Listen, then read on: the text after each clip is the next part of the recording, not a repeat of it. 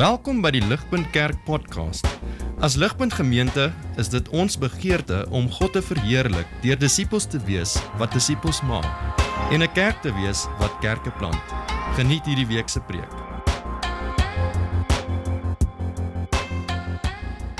Vriende, goeiemôre. Is 'n groot voorreg om vanoggend hier te staan. Ehm um, en dit is 'n uh dis 'n wonderlike ervaring sover om te sien hoe die liggaam van Christus funksioneer. Ehm um, die van ons wat aan aan die kant van die ehm um, van die kantoor staan, sien baie keer goed as raak, ehm um, wat ander nie noodwendig dadelik optel nie. En so ehm um, vanoggend het ek weer Natalie se ongelooflike werk raak gesien hoe elke liedjie presies dit wat ons probeer sê vanoggend in die teks kommunikeer. Ehm um, ons het al daaroor gesing, dis waarom in ons harte en so is 'n wonderlike voorreg om die liggaam so te sien funksioneer en ook soos wat soos wat Jeanette gepraat het van die werk wat gebeur in Mamelodi. Dit is so wonderlik om te sien hoe die kerk in Mamelodi voordeel trek uit die werk van ons, die klein goedjies wat ons doen en die klein goedjies wat ander ouens doen en hoe, hoe God dit gebruik om werklik 'n seën te wees uh nie net vir die kerk in Mamelodi maar, maar vir die gemeenskap van Mamelodi. En so dit was alreeds vir my 'n geweldige be bemoediging vanoggend om hier te wees. Ek gaan vir ons 'n moeilike teks vir oggend bring. Is 'n moeilike dog bemoedigende teks. God gebruik baie keer waarskuwings om om om ons na hom toe terug te roep. Dis beter nuus as die die nuus wat ons sondige harte en die duiwel in die wêreld vir ons wil kommunikeer. En so is goed vir ons om te luister. En dan ek gaan vra dat God ons help om te luister vir oggend. Kom ons bid saam. Vader ons dankie vir u woord. Ons dankie dat u met ons praat. Um, ons dankie dat U 'n God is wat kommunikeer, wat homself aan ons geopenbaar het in die skepping, in die woord, in die seën en vanoggend soos wat ons die woord lees deur die Gees. En so Vader, maak ons harte sag, maak ons harte ontvanklik en Vader, maak ons sterk sodat ons in geloof kan reageer. Help ons asseblief om U te sien vir wie U is en help ons asseblief om met harte vol geloof en moed gevul te word en uit te gaan um, aan die einde van van ons tyd saam. Ons vra dit in Jesus se wonderlike naam. Amen. Vriende, ek weet nie ehm um, wie van julle dapper genoeg is om Dr Google te raadpleeg nie. Ehm um, ek is baie skrikkerig om dit te doen. Ek hou nie daarvan om na al daai simptome te kyk en kyk wat er op my van toepassing is nie. Ehm um, dis 'n aardige ervaring, maar tog doen mense dit. Mense doen dit. Ehm um, of ek doen dit, ek weet nie ander is dalk slimmer daaroor. Ehm um, Maar ek doen dit. Ek kyk wat wat die simptome is wat Dr. Google beskryf want want ek is bang. Ek is baie keer bang. Ek wil weet wat die waarheid is. Ek wil luister as as daai simptome iets is waarna ek waarop ek moet agslaan.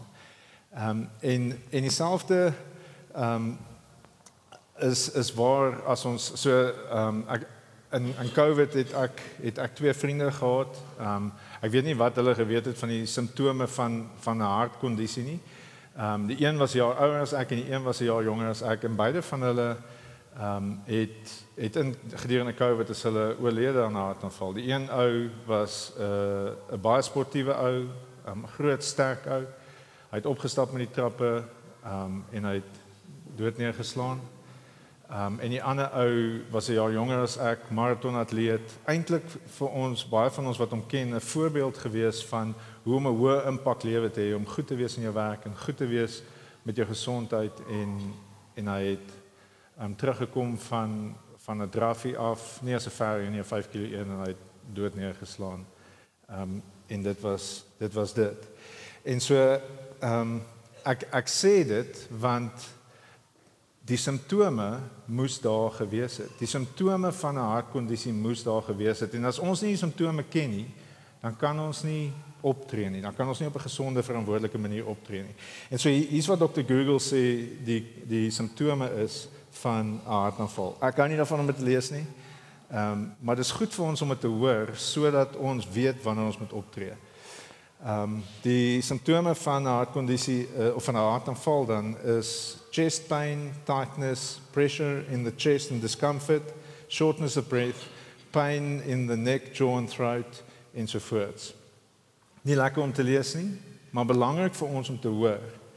Belangrik vir ons om te hoor as ons wil luister en wil gesond optree. En dis natuurlik, ehm um, sê ek nie hierdie omdat dit 'n mediese klas is nie. Ek sê hierdie omdat dit geestelik ook waar is van ons. vir ons. Is geestelik waar vir ons. Daar's sekere geestelike hartkwale wat dodelik is. Dinge wat as ons dit nie betyds aanspreek nie, kan dit ons skielik oorval en tot ons geestelike dood lei. Ehm um, vandag se teks sê vir ons dat God praat met ons deur sy woord uh, en ons het nodig om te luister om geestelik gesond te kan funksioneer. Ons het ons kom tot geloof deur die hoor van God se woord. So Romeine 10 vers 17 sê vir ons so faith comes from hearing and hearing the word of Christ. So ons kom tot geloof deur die woord te hoor. Um, en ons bly gesond in die woord. Ons bly gesond in die geloof deur die woord te hoor. Matteus 4 vers 4 sê man shall not live by bread alone, but from every word that comes from the mouth of God. Die woord gee ons lewe en die woord hou ons aan die lewe. En die grootste risiko vir ons is om ons harte te verhard teen die woord. Ons almal is op risiko om in ongeloof ons harte te verhard teen die woord en nie te luister nie. Net soos wat ons fisiese gesondheid is is 'n gevolg van 'n lewenstyl, is ons geestelike gesondheid ook 'n gevolg van 'n lewenstyl. Um, die manier waarop ons lewe het 'n invloed op ons. En mag God ons genadig wees dat ons ver oggend sy stem hoor in sy woord en luister. Ons is ons is ver oggend besig met die laaste in die ehm um, laaste in die reeks van die geesvervulde lewe. Ehm um, ons kyk na Hebreërs 3 Uh in Hebreërs is 'n is 'n brief wat geskryf is aan 'n klein kerkie. Is 'n kerkie wat wat baie goed begin het. Um in Hebreërs 10 sien ons Hebreërs 10 vers 2 sê um sê die skrywer vir hulle but recall the former days uh when after you were enlightened you endured a hard struggle with suffering sometimes being publicly exposed to reproach and affliction and sometimes being partners with those so treated. For you had compassion on those in prison, and you joyfully accepted the plundering of your property, since you knew that you yourselves had a better possession, an abiding one. Hulle die Christenlewe baie goed begin. Um Dis 'n wonderlike ding. Hulle die Christenlewe baie goed begin. Hulle lewe is gekenmerk deur enlightenment. Die woord het hulle ingelig. Hy het hulle help om goedes anders te sien en te verstaan. En hulle lewe is gekenmerk deur compassion en joy.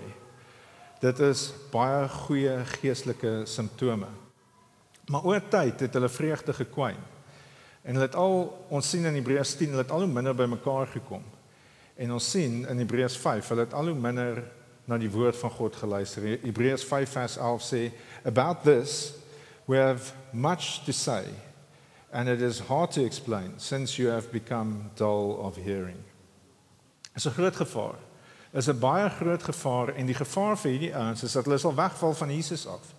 Dit is die gevaar wat daar vir hulle is. Die simptome van vreugde is vervang met murmurering. En hulle het hulle self onttrek van die gemeenskap en hulle was glad nie meer so gretig om te luister na God se woord nie. Dit is die rooi ligte. Dit is die geestelike rooi ligte. Dis die geestelike ekwivalent van 'n 'n 'n stywe bors en 'n 'n kort tyd van asem en 'n 'n seer nek en en en keel. Dit is die goedes waarvoor ons dis lewensgevaarlike simptome geestelik waarvoor ons versigtig moet wees.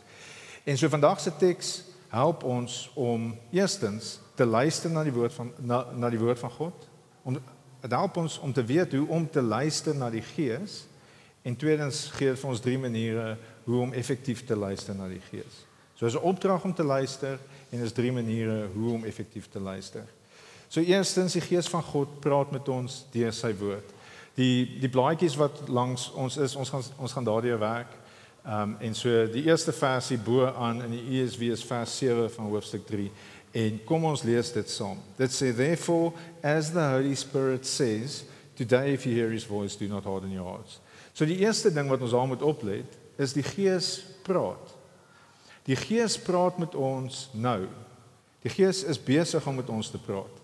As the Holy Spirit says, is teenwoordige tyd.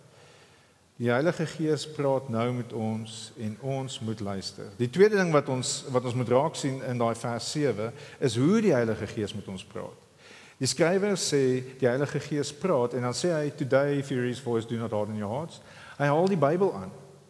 Hy sê die Heilige Gees praat en dan haal hy Psalm 95 aan. Today if you hear his voice do not harden your hearts. So die Gees praat vandag met ons deur die woord van God. Dis hoe die Gees van God met ons praat. 3000 jaar terug het in die tyd van koning Dawid het die het ehm um, het die Gees van God met die mense van God gepraat deur Psalm 95. Toe het hy vir hulle gesê today if you hear his voice do not harden your hearts. 2000 jaar terug het God deur Psalm 95 met die kerkie in Hebreërs gepraat en hy het vir hulle gesê today if you hear his voice do not harden your hearts. En vandag praat die Gees met ons en hy sê vir ons today if you hear his voice do not harden your hearts en hy gebruik Psalm 95 soos wat die skrywer van Hebreërs dit aanhaal. Die Jode was vertroud met die woorde, baie vertroud met Psalm 95. Elke keer, elke week wanneer ons bymekaar kom, dan het Natalie vir ons 'n call to worship uitgewerk wat die leier dan vir ons sê. Hy sê kom, kom ons dien die Here. By elke samekoms van die Jode, elke liewe een wanneer hulle op 'n Sabbat bymekaar gekom het, het hulle was die eerste woorde wat gesê is hierdie woorde today if you hear his voice do not harden your hearts. Dit is ons saglik belangrik vir ons om dit te hoor. Die woord van God te hoor en te luister. Nou ons almal weet um, om te luister is nie dieselfde as om te hoor nie. My kinders hoor my baie keer maar hulle luister nie amper elke liewe oggend sê ek sit nou neer gaan trek aan ons gaan laat wees. Dan sê hulle ek sal nou pappa. En dan gaan hulle nog 'n boekie en hulle teken nog 'n prentjie. Ek sal nou is nie om te luister nie. Ehm um, en as ons hier uitgaan met 'n gesindheid van ek sal nou, is dit nie om te luister nie. Dis een trappie kort van om ons harte verhard in ongehoorsaamheid. Psalm 95 verwys na 'n tyd in Israel se geskiedenis toe Israel hulle harte verhard het teenoor God. En dis eintlik as mens kyk na die hele storie, is dit 'n verstommende storie. Ehm um, dis dis toe Israel, toe God vir Israel verlos het uit Egipte uit. Is vir ons opgeskryf hierdie spesifieke gedeelte is vir ons opgeskryf in Eksodus 17. So die hele boek van Eksodus gaan oor Israel wat verlos is en op pad is na die beloofde land toe. Na 430 jaar in slawerny, roep hulle uit tot God, God verlos hulle. Hulle ehm um, hulle Farao uiteindelik laat hulle gaan soos wat God na 10 pla die eersgeborene van die wat nie aan hom vertrou nie tref en Farao laat hulle gaan. Um, en is 'n wonderlike prentjie. Dit is 'n wonderlike prentjie hoe 600 000 mans was oorspronklik 70 wat ingegaan het. 600 000 mans en nagenoeg 1500 ag 1.5 miljoen vrouens en kinders ordelik stam vir stam uit Egipte uit marseer met die rykdom van Egipte want die Egiptenare het God het hulle harte God het die Egiptenare se harte sag gemaak teenoor die uh, Israeliete en hulle het hulle rykdom vir Israel gegee. En daar stap Israel uit die slawerny uit op pad na die beloofde land toe. Daar's 'n wolkkolom wat hulle beskerm in die dag en daar's 'n vuurkolom wat hulle lei in die nag en wat maak dat hulle kan sien waar hulle gaan. En soos wat hulle by die Rooi See kom, ehm um, dink vader hy kan nie eintlik hierdie ouens laat gaan nie sy ekonomie gaan platval.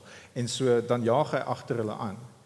En hulle is dan vasgekeer by die see en die wolkkolom kom dan agter hulle in sodat die die Egipte die Egiptenare nie by hulle kan uitkom nie.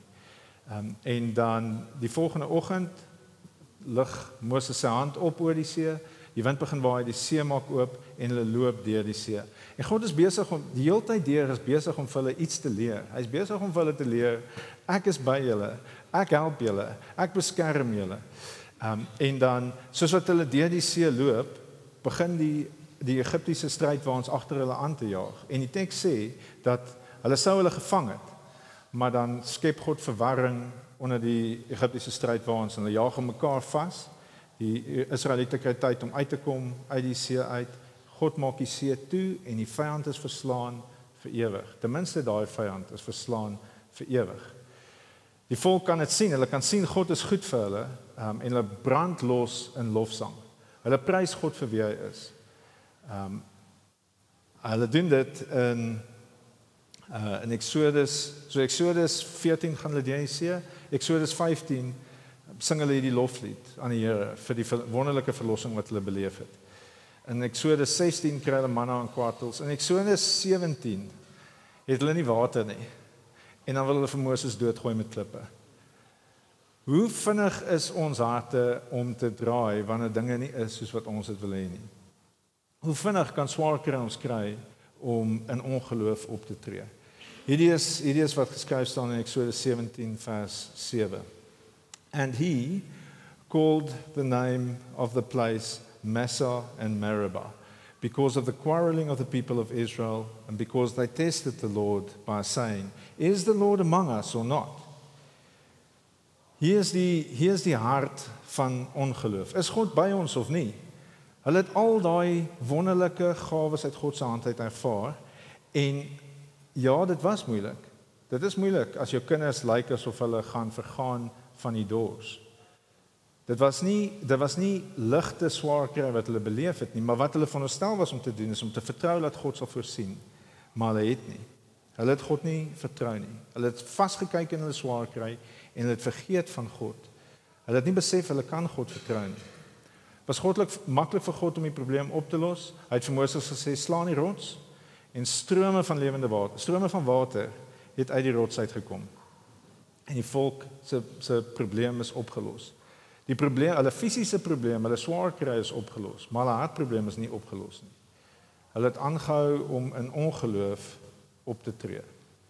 In vers 10 van ons teks, is ook die vers 10 van Psalm 95 sê, hulle het nie verstaan hoe God werk nie. They always go astray in their heart. They have not known my ways. En so dis 'n vraag vir ons. Ken ons God se weë? Verstaan ons hoe God met ons werk? Verstaan ons dat God ons deur tye vat waar ons nodig het om hom te vertrou? Daar's tye wat dit obvious is en maklik is hoe God vir ons voorsien en hoe God ons help. Maar daar's tye wat ons deur swaar kry moet gaan en wat ons God nie, meer moet leer vertrou. Maar wat gebeur met ons? Sê ons, is God met ons of nie? Is dit wat in ons harte opkom? Is daai hart van ongeloof, daai harde hart binne in ons? Die kerkie van Hebreërs het deur 'n tyd van swaar kry gegaan en dit oorspronklik goed gevat, maar later van tyd het hulle begin om hulle rug te probeer te begin draai op Jesus. Hulle het gegaan na iets toe wat hulle gevoel het hulle kan beheer want hulle wou nie meer vertrou nie. Hulle was angsbevange want hulle het nie meer vertrou nie. Dieselfde het met die Jode gebeur in Israel se geskiedenis en hulle het nooit in die beloofde land ingekom nie. Daai generasie het nooit in die beloofde land ingekom nie. Want hulle het nie God vertrou end uit nie. Um, nou ek is ek ek praat as iemand wat wat in teorie oukei is met swaar kry, maar wanneer dit gebeur, dan sukkel 'n mens. Mens sukkel om vas te hou want mens verstaan nie hoekom die swaar kry so lank is nie. Mens verstaan nie hoekom dit so diep en so regtig seer met wees baie keer nie. Want ons vertrou nie dat God besig is baie keer om ons te help om hom raak te sien en hom lief te hê en ons vertrou in hom te plaas nie. Wanneer die lewe gebeur, wanneer swaar kry kom, het ons altyd die keuse. Gaan ons God vertrou of gaan ons ons rug draai en ons harte verhard? Wat gaan ons doen? Hebreërs 3 sê in, in Hebreërs 3 sê die Heilige Gees vir ons: "Vandag as jy sy stem hoor, vandag as jy hoor wie God is, moenie jou hart verhard nie. Moenie God se goedheid bevraagteken nie." Psalm 95 gaan is eintlik 'n psalm wat vir ons sê wie God is hoekom ons God kan aanbid, hoekom ons sy lof kan besing.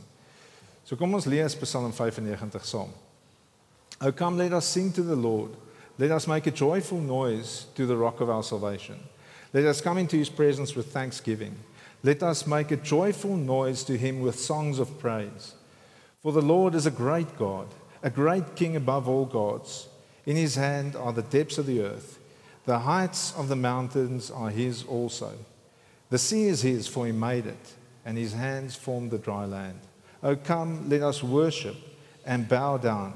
Let us kneel before the Lord our Maker, for he is our God, and we are the people of his pasture and the sheep of his hand.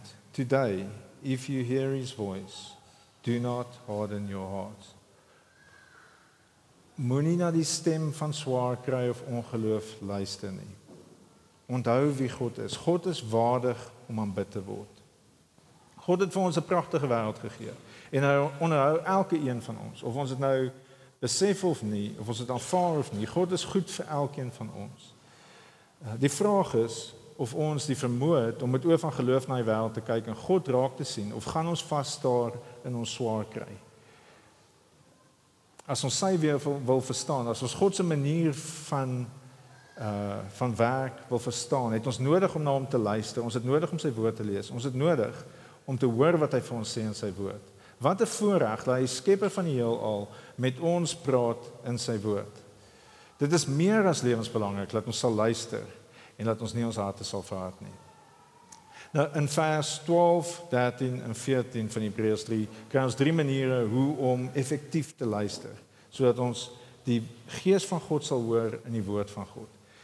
Vers 12 sê: "Take care, brothers, lest there be in any of you an evil, unbelieving heart, leading you to fall away from the living God." Ons moet ons harte oppas. Dis die eerste ding. Ons moet ons harte oppas. Ons harte is in gevaar. Daar's 'n klomp stemme wat inpraat op ons harte. Daar's ons sondige natuur, daar's die duiwel, daar's die wêreld. Ons het nodig om ons harte op te pas. En ons het nodig om om te te besef wanneer ons harte na iets anders toe uitreik as na God self toe wanneer die druk op ons is wanneer ons die swaarkry van die lewe beleef. Dit gebeur maklik dat ons ons hoop elders plaas. Ehm um, daar's twee baie voor die hand liggende dinge wat ons baie keer ons hoop in plaas vir sekuriteit wanneer ons onder druk voel. Die een is werk.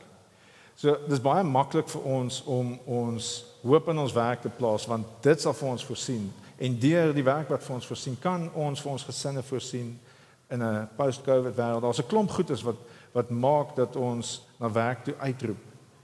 En laat ons ons sal nie sê nie, ons sal nie sê ons werk is ons God nie, maar ons dien ons werk asof dit ons God is. As ons luister na dit wat die werk van ons verwag, eerder as dit wat die woord van God van ons verwag, dan is ons op risiko. Dan is ons harte op die verkeerde plek. En dan luister ons nie meer na die woord van God deur sy gees in ons lewens nie. Ons luister na die stem van werk en ons aanbid werk. En dis 'n groot risiko vir ons. Dis 'n dis 'n harde hart. Dis 'n simptoom wat kan lei tot geestelike dood. Vir party van ons is verhoudings daai ding. Dis die dis die plek waar ons waar ons hoop kry. Ehm um, en dit hier is 'n manier om te identifiseer as verhoudings of mense vir jou te belangrik geword het. Daar's 'n daar's 'n ehm um, daar's 'n goeie boek wat sê when when when people are big and God is small. Um en ek dink dis dieselfde as as ons konstant besig is om te wonder wat ander mense se opinie van ons is of as ons gereeld in daai denkwyse is, wat dink hierdie persoon van my of wat sal hy sê of wat sal hy doen?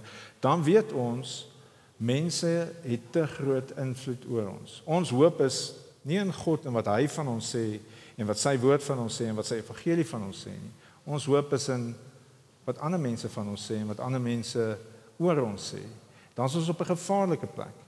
Ons kan so aangaan. Daar's baie goedes wat ons ons hoop in kan plaas wat nie die skepper en verlosser van die heelal is nie.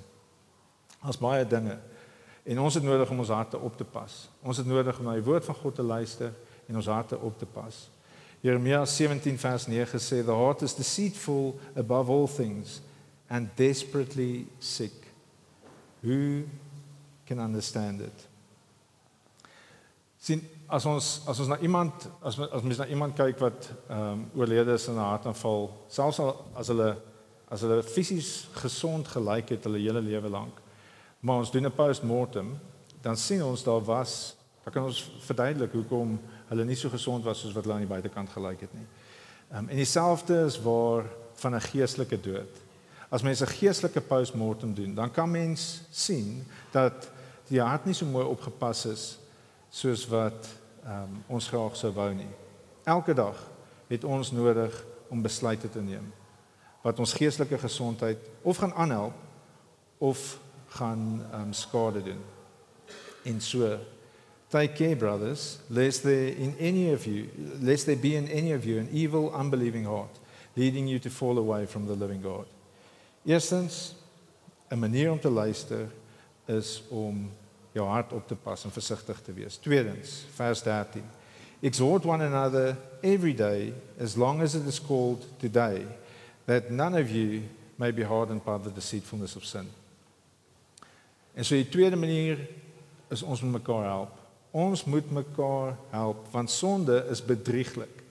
Um, en ons harte is kwesbaar. As long as it is called today, beteken vandag het ons nog 'n kans. Gister het ons droog gemaak, maar vandag het ons nog 'n kans. Vandag is 'n dag van genade. Ons het 'n kans om nie ons harte verder te verhard nie, maar ons hoop in God te plaas. Ehm um, en ons het nodig om mekaar te help. Vandag is nog 'n kans. En kyk wat sê hy daar. Exhort one another every day as long as it is called today, that none of you may be hardened by the deceitfulness of sin. So meer opgewonde onderwerp daar sien. Ehm um, die the deceitfulness of sin, die bedrieglikheid bedrieglikheid van sonde is sonde het, het 'n vermoë om vir ons te sê dis oukei. Okay. Sonde het 'n vermoë om homself te regverdig in ons harte. Sonde het 'n vermoë om ehm um, om vir ons te sê ehm um, hou aan met wat jy doen. Moenie in geloof optree nie. Moenie in liefde optree nie. Hou aan om hierdie pad te gaan. Jy's geregverdig daarin om hard te wees. Jy's geregverdig daarin om te boelie. Jy is regverdig daarin om die victim te speel. Jy is geregverdig daarin. Dis wat sonde doen. Geloof doen iets anderster. Maar ons kan dit baie keer nie self hoor nie. Ons kan nie sien dat ons besig is om bedrieg te word deur ons eie sonde nie. En daarom het ons mekaar nodig om ons te help. Exhort one another daily. Kom ons help mekaar. Voor ek by ehm um, by Ligpunt was, was ek by 'n ander kerk gewees en ek het 'n goeie vriend gehad wat ehm um, 'n ongelooflike begaafde ou in die bediening was. Ehm um, maar mens kon sien oor tyd dat ehm um, die lewe as 'n geheel, maar ook die lewe in bediening sy tol geëis het op die ou. Hy was uitsonderlik begaafd en hy was 'n uh, absolute perfeksionis. En die slegste ding wat begin gebeur het is wanneer dinge nie perfek was nie of hy het uitbeheer uitgevoel of die lewe het maar net gebeur soos wat die lewe gebeur. Het hy begin om sy frustrasie op ander uit te haal. En ek is weg en ehm um, ek het van ver af gesien hoe daai sonde wat hy die hele tyd die vermoë gehad het om homself in te regverdig want dit mos vir die koninkryk of dit moet mos ehm um, dit moet mos goed wees vir God. Het hy 'n boelie geword en ehm um, en dit het gelei tot 'n geweldige uh, geveg binne in die kerk En na 25 jaar van ongelooflike werk het hy moes hy uit die kerk uit gaan. Hy was hy moes uit die kerk uit gaan en hy is land uit met sy familie. En en soos wat ek terugkyk op dit, is ek baie hartseer dat ek nie toe ek het gesien het iets gesê het nie. Ek was 'n uh, 'n lafaard klankbord eerder as 'n 'n Christen broer wat vir hom sê maar maar besef jy daai is nie geregverdig nie toe jy daai ouetjie by die deur so sleg hanteer het. Dis nie aanvaarbaar nie. Ek weet hy het 'n fout gemaak, maar jy kan nie so met hom praat nie. sien as ek dit vroeër gedoen het, as ek hom gehelp het om die bedrieglikheid van sonde in sy lewe te sien, dan kon dit sy familie en die kerk soveel pyn gespaar het. Ehm um, maar ek het dit nie gedoen nie en ek is hartseer daaroor. Sonde is bedrieglik en sonde saai verwoesting. Baie keer lyk dit of mens wegkom met sonde. Baie keer dink mens sonde het nie 'n impak nie of is okay of wat ook al. Sonde lei altyd tot die dood op die einde. En sonde saai altyd verwoesting. Sonde is baie meer gevaarlik en baie meer van 'n leenaar as wat ons besef. Ons het nodig om mekaar te help. Dis nie net kerkleiers wat surprise. Dis nie net kerkleiers wat ehm um, wat wat hierdie probleem het met die bedrieglikheid van sonde nie. Ehm um, 2 jaar terug het het ek het ek 'n ander vriend gehad wat geweldig vinnig gevorder het by die werk. Hy het baie ekstra verantwoordelikheid gekry. Ehm um, baie suksesvol by die werk.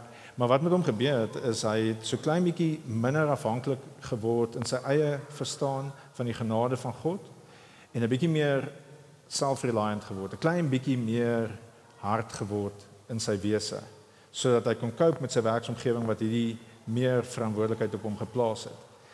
En wat gebeur het is daai hardheid van hart en het het 'n geweldige impak op sy huwelik gehad. Want hy moes hard wees by die werk en toe hy hard geword by die huis en dit het sy huwelik amper totaal vernietig. Dit het baie tyd gevat en baie trane en baie seer voordat God sy hart weer sag gemaak het en hy besef het dat hy nodig het om te verander. Dat hy nodig het om na die gees van God te luister wat vir hom sê tree in liefde op, wees gentle. Ehm um, eerder as iemand wat alles vinnig probeer fix deur bombasties en hard te wees. En so sy huwelik is gered as gevolg van vriende wat hom gehelp het om te besef dat sy sonde hom bedrieg. Dat hy dink dit wat hy dink wat hy besig is om goed te doen, want hy's besig om vooruitgang te maak in die lewe, was sonde wat hy geregverdig het in sy lewe want hy moes gentler wees en hy was mooier wees en hy moes sy sy vrou en sy kinders gedien het. Dit het tyd gevat. Maar hy is gered van sy sonde. Ehm um, deur die werk van sy vriende wat ingepraat het op sy lewe en so exhort one another every day as long as it is called today that none of you may be hardened by the deceitfulness of sin. Derdens en laastens vers 14 For we have come to share in Christ if indeed we hold our original confidence firm to the end. Ek dink ek gaan dit weer lees. So kan ons soos Israel nie in die beloofde land ingaan nie. Is dit moontlik vir ons wat ons self gelowiges noem? Kom ons lees vers 14. For if we have come to share in Christ, for we have come to share in Christ, ons het regtig in Jesus se goedheid en sy nuwe lewe begin deel if indeed we hold our original confidence firm to the end dis nie goed genoeg om goed te begin in die Christelike wedloop nie dis nie goed genoeg nie in die gelykenis van die saaier was daar twee kategorieë wat ehm um, wat dit nie gemaak het tot die einde toe nie Die eerste kategorie, die die die die saadjies wat die saadjies van die woord wat op die op die pad geval het is opgepik deur voëls. Daar was geen die saad het nie omkiem nie. In die tweede geval het die saad omkiem en dit het wortel geskiet. Maar dit het nie dit kon nie die wortels kon nie diep genoeg ingaan nie en op die klipperige grond nie en toe daai woord het dood gegaan binne in daai persoon. En die derde kategorie het die het die het die woord uh, het ontkiem, dit het sterk gegroei en dit het ehm um, dit het gelyk asof dit gaan lewe maar toe die onkruid het toe wat wat die swaar wat swaar kry is en wat die verleidelikheid van geld is het toe daai plant dood gegroei en daai persoon het dit nie gemaak nie en so vir ons om geestelik lewendig te bly het ons nodig letterlik om elke dag tot ons dood gaan vas te hou aan Jesus dit is die enigste manier dis die enigste manier hoe ons werklik gered kan wees is as ons elke dag aanhou vertrou. Um, ons het nodig om elke dag te vertrou wat Jesus vir ons gedoen het aan die kruis. Ons kan nie opgee nie. Ehm um, Jesus sal ons nie los. Die wat na hom toe kom elke dag in geloof en bekering met 'n nederige hart, sal Jesus nie laat gaan nie. Maar ons het nodig om end uit vol te hou aan ons vashou aan Jesus. Daar mag dalk van ons wees vanoggend wat sukkel met dit. Ons sukkel, ons harte is 'n klein bietjie hard al. Sonde het hou vas oor ons lewens gekry. Ons is nie lus vir die mense van die kerk nie. Ons is nie lus om na God se woord te luister nie. Daar's min vreugde, swaar kry kry ons onder. Ons sien nie God se hand raak nie. Daar mag dalk van ons hierso wees. Maar waarna gaan ons vanoggend luister? Waarna gaan ons vanoggend luister? Gaan ons luister na die sonde, die bedrieglikheid van sonde? Gaan ons luister na die duiwel wat ons aankla en wat vir ons sê ons is nie goed genoeg nie en God is nie lief vir ons nie. En waar is God? Hoekom kry jy so swaar? Waar is jou hierdie God wat so goed is vir jou? Waarna gaan ons luister? Kom ons luister na die gees van God en die woord van God in Hebreërs 4 vers 14. Hebreërs 4 vers 14 sê die volgende: Since then we have a great high priest who has passed through the heavens, Jesus the son of God. Let us hold fast our confession. For we do not have a high priest who is unable to sympathize with our weakness, but one who in every respect has been tempted as we are, yet without sin.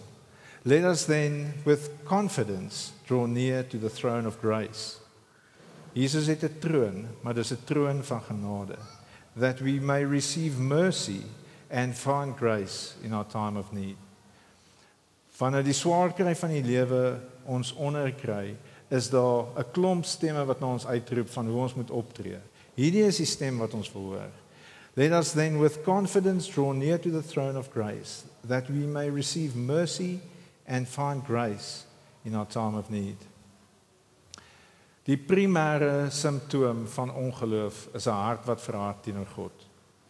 Is 'n hart wat verhard teenoor ons medemens, is 'n hart wat verhard en kyk raak met die sonde in ons lewens. Dis die pad van geestelike dood. Maar Jesus is anderster. Onthou Jesus is genadig. Hy is 'n hoëpriester wat verstaan waartoe ons gaan. Hy verstaan ons swakheid. Hy verstaan ons nood wat ons elkeen vandag het. En sy sy lewe is vir ons genoeg. Sy sterwe was vir ons genoeg vir ons verlossing. En sy liefde en genade is genoeg om ons te dra vandag. En so ek sluit vir ons af. Die geesvervulde lewe is 'n lewe waar ons luister na die gees van God soos wat God met ons praat in sy woord.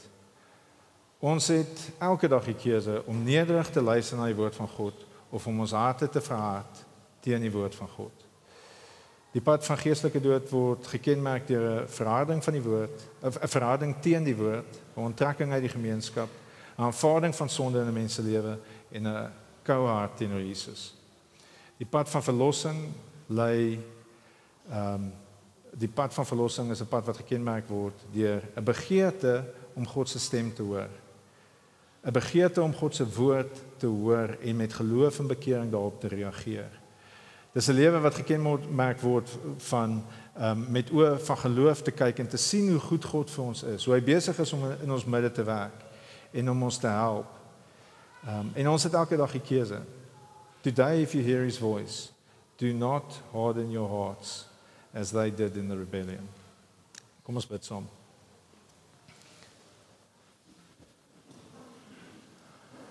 Vader, soos wat ons aan die einde van die geesvervulde lewe reeks kom, wil ons vir U dankie sê dat U U gees in ons harte uitstort. Dat U gees nuwe lewe, nuwe ware geestelike lewe binne in ons produseer. En dat ons 'n mense kan wees wat fonteine van lewende water by U kan drink. Vergewe ons vir die kere wat ons op verkeerde plekke drink, wat ons soutwater drink, wat ons luister na die duiwel, wat ons luister na ons eie, eie sonde gehad, wat ons luister na stemme wat bo U uitpasyn word in ons harte, maar wat nie vir ons goed is nie. Vergewe ons vir daai kere. Vader, help ons asseblief om U stem duidelik te hoor. Help ons asseblief om ons dors by U te lees. En Vader, help ons asseblief om sterk te staan in die geloof. Help ons om end uit vol te hou en u eendag van aangesig tot aangesig te sien in 'n wêreld waar daar geen meer trane of hartseer of pyn is nie, geen meer swaar kry nie. Waar ons u werklik kan ken soos wat u is en waar daar niks is wat ons terughou van ware vriendskap met u nie. So Vader, ons pleit by u help ons en wees ons genadig in Jesus naam. Amen. Vir meer inligting oor Ligpunt Kerk, besoek gerus ons webwerf op www.ligpunt.com of kontak ons gerus by info@ligpunt.com